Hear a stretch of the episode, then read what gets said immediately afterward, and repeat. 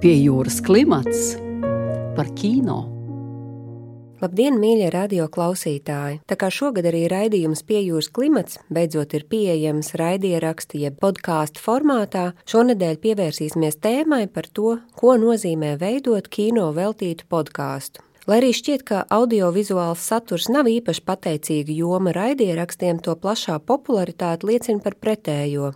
Raidierakstu veidotāju un izvēlēto tēmu lokus ir tik plašs un dažāds, ka noder gan kino jomas profesionāļiem, gan vienkārši interesantiem. No savas puses klausītājiem noteikti var ieteikt kino teorētiķis un kritiķis Karīnas Longvortas raidierakstu You Must Remember This, kuram ir vairāk kā 170 sēriju un kuram tikko ir sākusies jauna sezona, kas stāsta par Holivudas zelta laikmetu populārākajām Baumsleju karalienēm Loela Pārsona un Hedu Hoperi. Longvords raidieraksts ir lielisks avots visiem Holivudas vēstures interesantiem un bieži vien stāsta par tēmām, kuras kino vēsture ir piemirsusi. Piemēram, vai zinājāt, cik nozīmīga bija Pītera Bogdanoviča pirmās sievas, filmu mākslinieces Polijas plātas loma viņa populārāko filmu tapšanā? Es arī nē. Par šo un vēl daudz ko citu aizraujoši stāsta pati Longvorta, kura nesen ir izdevusi arī grāmatu ar nosaukumu Seduction, kas veltīta ekscentriskajam Hovardam Hjūzam un viņa dzīves sievietēm. Otrs podkāsts, kur vēlētos ieteikt, pievēršas vairāk praktiskajai un tehniskajai kino pusē. Tas ir slaveno operatoru Rodžera Dīkins un viņa sievas Džeimsas Dīkinsas veidotais raidieraksts Team Dīkins kurā viesojas gan aktieri, gan režisori, gan citu operatori, gan arī visu citu kino profesiju pārstāvji. Taču mūsu raidījumā šonadēļ viesosies pašmāju populārāko kino veltīto raidierakstu kino kults un mans draugs kino cilvēks pārstāvi Sergejs Musātovs un Paula Bērziņa, lai padalītos ar savu pieredzi. Kā jums radās ideja veidot savu kino podkāstu? Mūsu gadījumā ar mans draugs kinocēlāks tā laikam bija vienkārši tāda veiksmīga nejaušība, jo Ieva Augstpilna un Agnes Līpskuņas tieši beidza kino teorētiķus, un mēs aizrunājāmies par to, kur tad vēl varētu aiznest kino kritiku, kā paplašināt tās apgāžņus, un nonācām pie šīs idejas sākotnēji, ka mēs varētu vienkārši pamēģināt pāris audio ierakstus, kam šis formāts patīk, un galu galā nonācām pie tā, ka tādam kino podkāstam ir tik daudz interesanti atzari, kuros virzīties. Tas var būt nepiespiest sarunas par filmām, tā var būt kaut kāda analīze vai pētījums pausts audio formātā, vai tāpat iespējams uz sarunām aicināt uh, dažādas kino nozares pārstāvis un spēlēt kino viktorīnas un vēl tiešām tik daudz ko, ka mēs sapratām, ka nepaliksim noteikti laikam tikai pie pāris audio ierakstiem un turpināsim šo iesākto ceļu. Nejošības pēc kino projekts, kinokūts kā tāds sāka eksistēt arī pateicoties vienam podkāstiem. Jeb 8. gadā es palaidu podkāstu Kinokast LV. Tad, kad podkāsti tikko, tikko guva kaut kādu popularitāti. Tad, kad iznāca pirmie iPodi, kuri varēja sinhronizēt podkāstus uz tavu player. Un, un tās bija viens no ērtākiem un varbūt arī vienīgais ērts veids, kā tos podkāstus paturēt. Tāpēc, ka citādi vajadzēja tos klausīties vai nu webā, kas man liekas, iet divi diezgan pretstatā tam, kā es izvēlos patērēt podkāstus. Un uh, tur vēl nebija citu podkāstu aplikāciju vairumu, kā tagad ir. Un Apple monētas arī tā diezgan sīvi slēdza, klapēja tas visas noskat. Kā tad jūs tagad izmantosiet podkāstu kā vērts, jo podkāsts kā vērts nāk taču no iPoda un tā tālāk. Līdz ar to tajā brīdī tas formāts kā tāds likas ļoti interesants, tāpēc, ka tas bija pēkšņi radio on demand, jeb radio pēc pieprasījuma tavā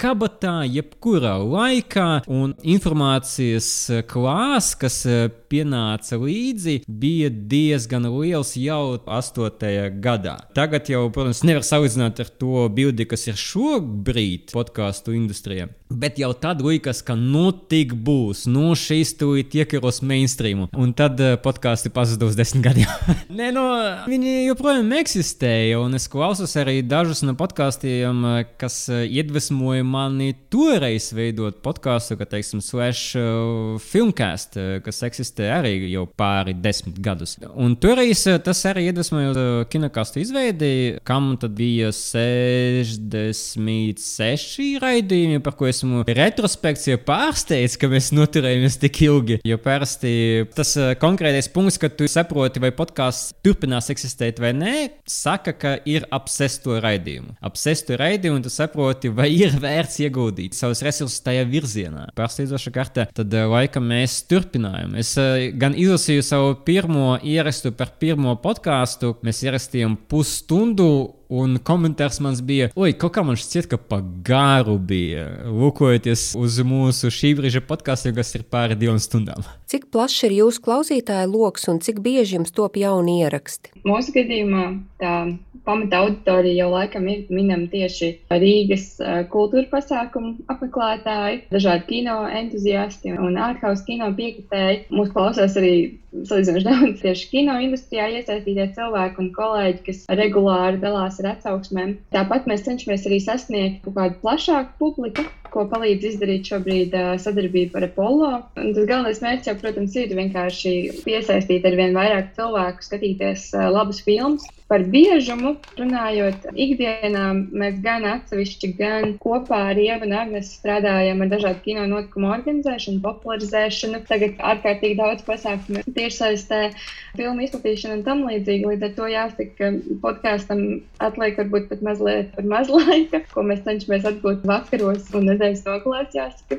Tā mums vidēji iznāk aptuveni divas epizodes mēnesī. Un mēs cenšamies piedomāt pie tā, lai tās nebūtu pārāk garas, lai tās varētu būt mērķtiecīgi un ļoti koncentrēti varētu noklausīties kino cilvēks aizgāja vairāk uz kvalitāti. Mēs ejam uz kvantitāti. Mums reizes nedēļā iznāk divas stundas, mēs runājam par ziņām. Nē, bet tur ir arī savs punkts eh, par to, ka man šķiet, ir vērts veidot arī podkāstu. Īpaši, ja tu sāc veidot podkāstu, ka tu vienkārši fokusējies uz rezultātu. Tev iznāk podkāsts. Tāpēc, ka var viņu samontēt līdz bezgalībai, tāpēc vajag arī mācīt sevi pieturēt un vienkārši spiest uz eh, regularitāti tas, ko mēs arī darām apmēram, par cik mūsu formātā ir iekļautas arī ziņas, tas arī nosaka to, ka mums jārunā reizi nedēļā, tāpēc ka citādi mēs vienkārši sakrāsim pārāk daudz ziņu. Līdz ar to tāds formāts bija izvēlēts, un klausītāju lokus grūti teikt. Viņš aug. Es domāju, ka kaut arī podkāsti globāli ir sasnieguši noteikti mainstreamu. Pēdējās ziņas bija tieši no Toronto kinofestivāla, ka viņi iekļaus podkāstus savā festivālā, gan fikcijas, gan uh, dokumentālos podkāstus, kas bija tāds ļoti interesants pārsteigums. Tikmēr Latvijā joprojām laikam uh, tas tirgus vēl ir kaut kur sākumā.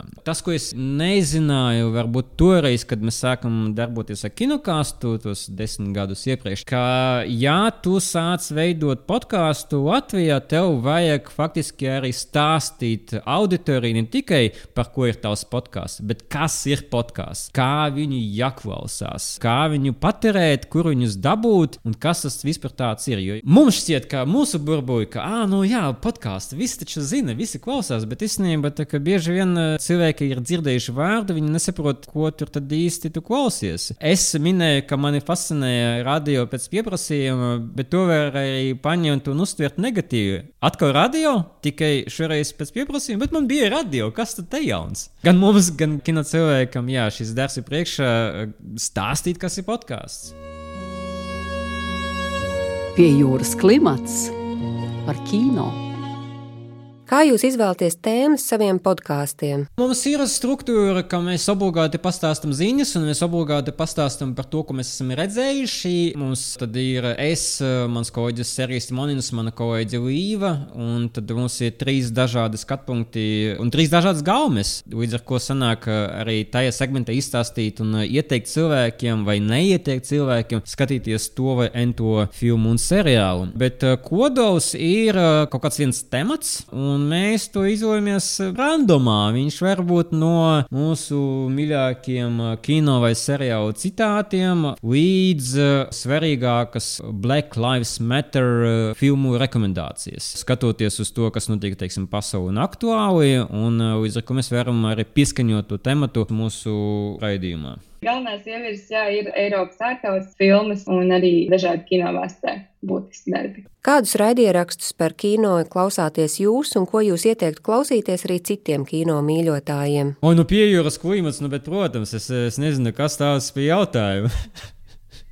Man viens no favorītiem noteikti ir uh, Linkoln Cents podkāsts, kurš, citu, nesen arī bija intervijā ar Winterbergu, kur viņš ieskicēja visu diezgan dramatisko fonu, kāds bija uzņemšanai vēl pa mēriņam. Tāpat es diezgan bieži klausos The Big Picture un, protams, Little White Lies podkāstu. Un kaut kur radarā tur arī Empire, kuram ir ārkārtīgi daudz epizodes, un A24 podkāstu, kad ir kāda konkrēta darba, kas no viņu filmām interesē. Es varētu piemest klāt Happy Set Confused, kur ir intervijas dažādas nopietnības līmeņos, kad dažreiz ir pavisam tādi joku podkāsti, kā ar Taika vai Tīti, vai dažreiz viņi iet tā kā padziļinātāk režisora filmogrāfija un tā tālāk. Jeffam Goldsmitham ir labs arī interviju podkāsts, kur viņš savukārt fokusējas uz scenarijiem un intervē scenariju autorus par jaunām filmām un arī par klasiskām filmām filmām. Filmspotting ir labs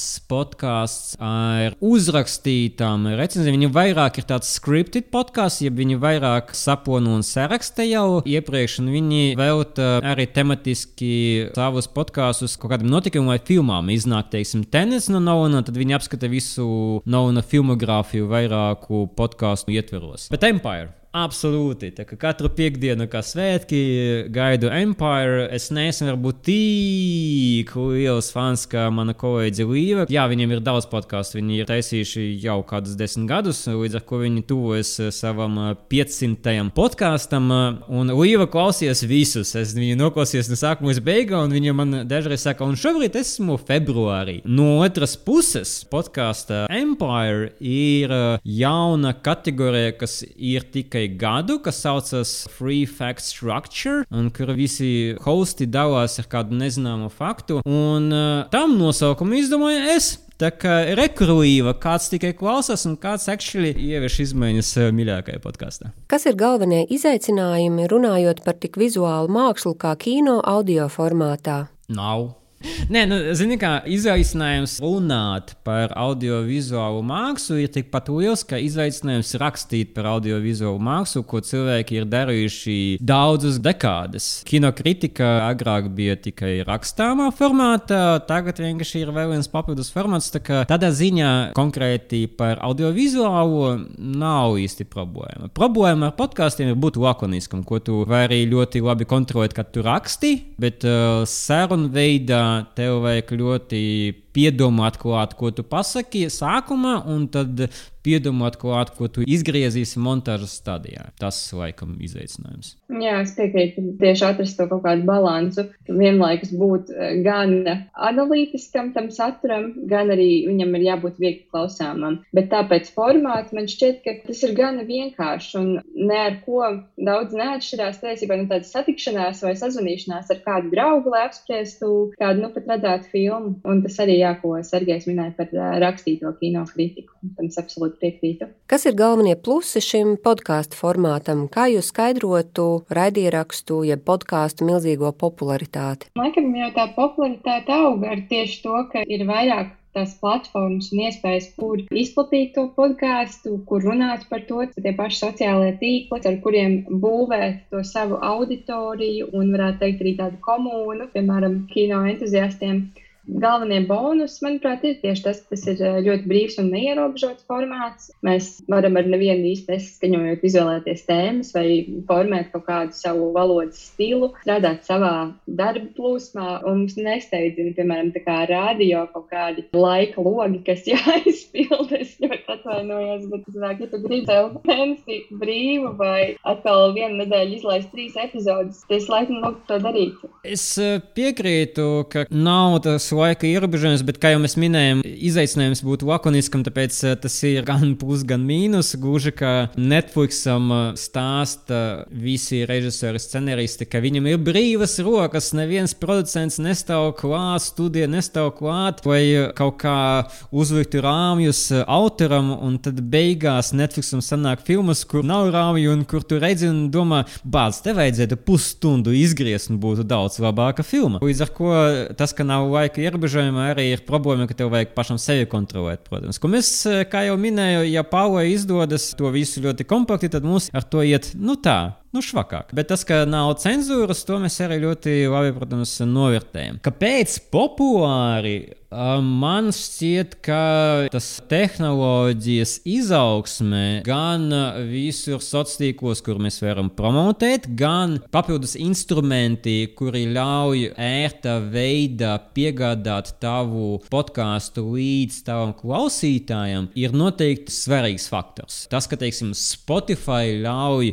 raidīt podkāstus, nozīmē, ka visi, kam ir iPhone vai Android, eh, spēja ērtā veidā saņemt podkāstu, tāpēc ka viņiem jau ir Spotify, viņi ir klausījušies muziku tā ir pēdējos piecus gadus. Tas, ka mums ir pieejams aizvien spēcīgāks internets, eh, kur mums nav jāmeklē Wi-Fi, ka mēs varam arī vienkārši caur 4G, 3G, 5G saņemt podkāstu, ir svarīgs faktors. Tas, ka mums ir bezvadu austiņas tagad, ir uber svarīgs faktors visiem tiem, kas izmēģināja bezvadu austiņas. Kā cilvēks, kas patērē tagad visu savu saturu ar bezvadu austiņām, es varu teikt, ka tas bija diezgan revolucionāri. Un es esmu absolūti pārliecināts, ka bezvadu austiņas arī piespēlē savu lomu šajā tendencē. Un uh, laikam vienkārši parādījās uh, tie interesantie formāti. Nevis Joe Rogan. Joe Rogan vienkārši intervē cilvēkus. Jā, viņš to dara jau ilgiem gari un līdz ar to viņam ir tā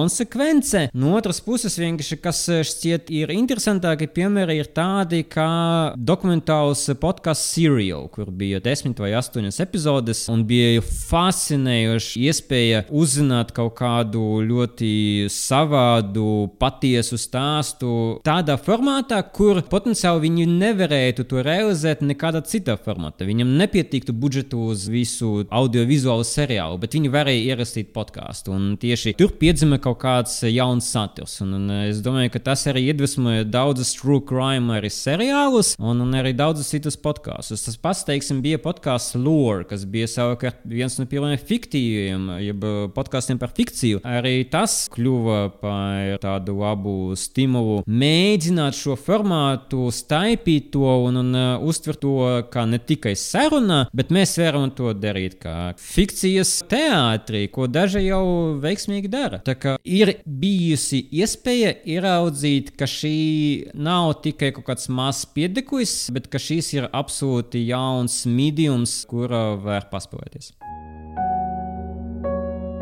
Pie jūras klimats par kino. Kāpēc par kino ir svarīgi runāt? Nenopietni atbildēt varētu būt, kā Tarantino vienā kliedzošā intervijā atbildēja pavisam citu jautājumu, bet viņam bija atbilde, because it's so much fun. bet uh, pavisam nopietni, tad, nu, jā, par kino vai par redzēto vajag reflektēt. Un kino vajag uztvert kā ļoti būtisku mākslas izpausmes formu, par ko var analizēt, domāt, dalīties iespaidos, vai dalīties iespaidos par redzēto un lasīto. Bet kopumā jau tas vienkārši tāds eh, ļoti aizraujošs un reizē arī vērtīgs process, manuprāt.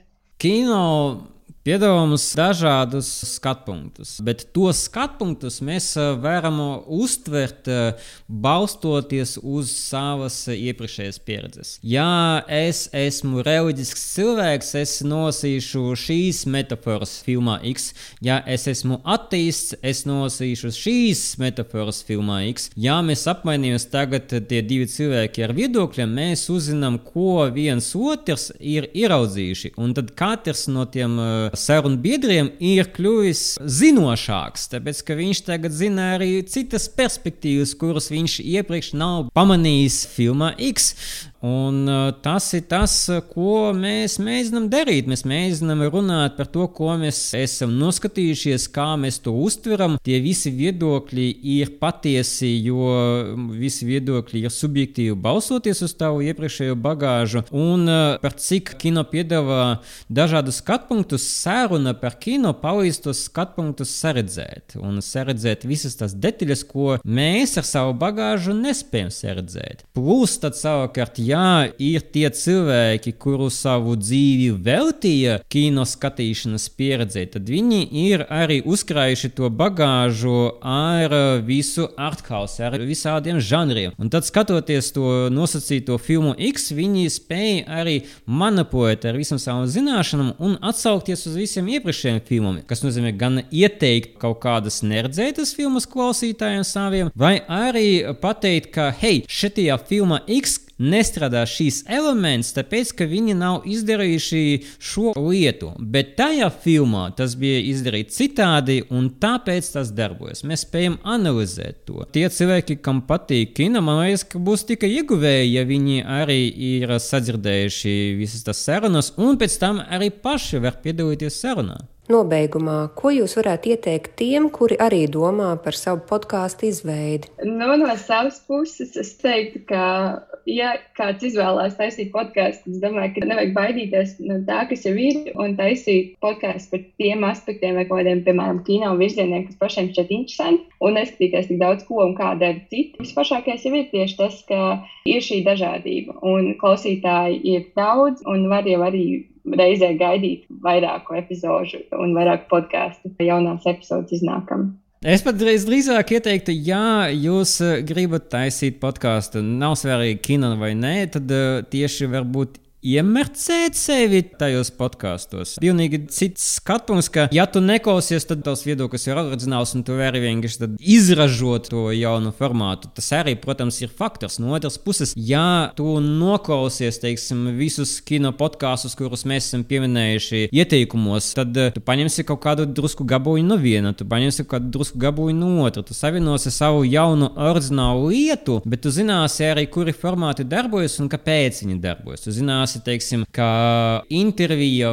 var darboties, bet viņai jābūt īsāk pār pusstundu. Vai eh, ziņas ir forši, bet būtu forši, ja ziņas būtu 5 minūtes. Vai arī tāpat kā, teiksim, Pālu, uh, hei, ziņas ir forši, bet tas uh, podkāsts tad kļūs neaktuāls pēc divām nedēļām. Fokusējamies uz tematiem. Taisim to vairāk kā pētījumu formātu. Apskatoties visu to dažādību, kas jau ir, tu zināsi apmēram, kas virziens tev pašam patīk. Tas ir tad uh, mājas darbs pirms tu sāc.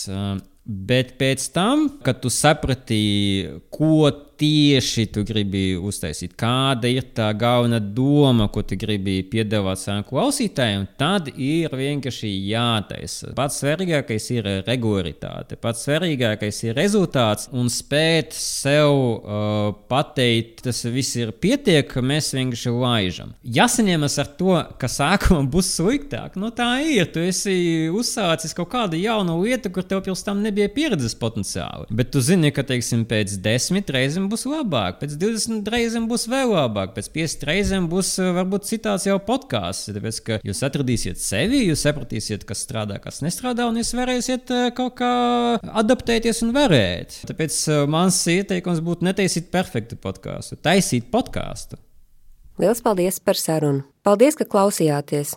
Šis ir sezonas pēdējais raidījums pie jūras klimats, pēc kura dosimies vasaras atvaļinājumā. Cerams, ka tiksimies atkal jau septembrī ar jauniem kino veltītiem stāstiem.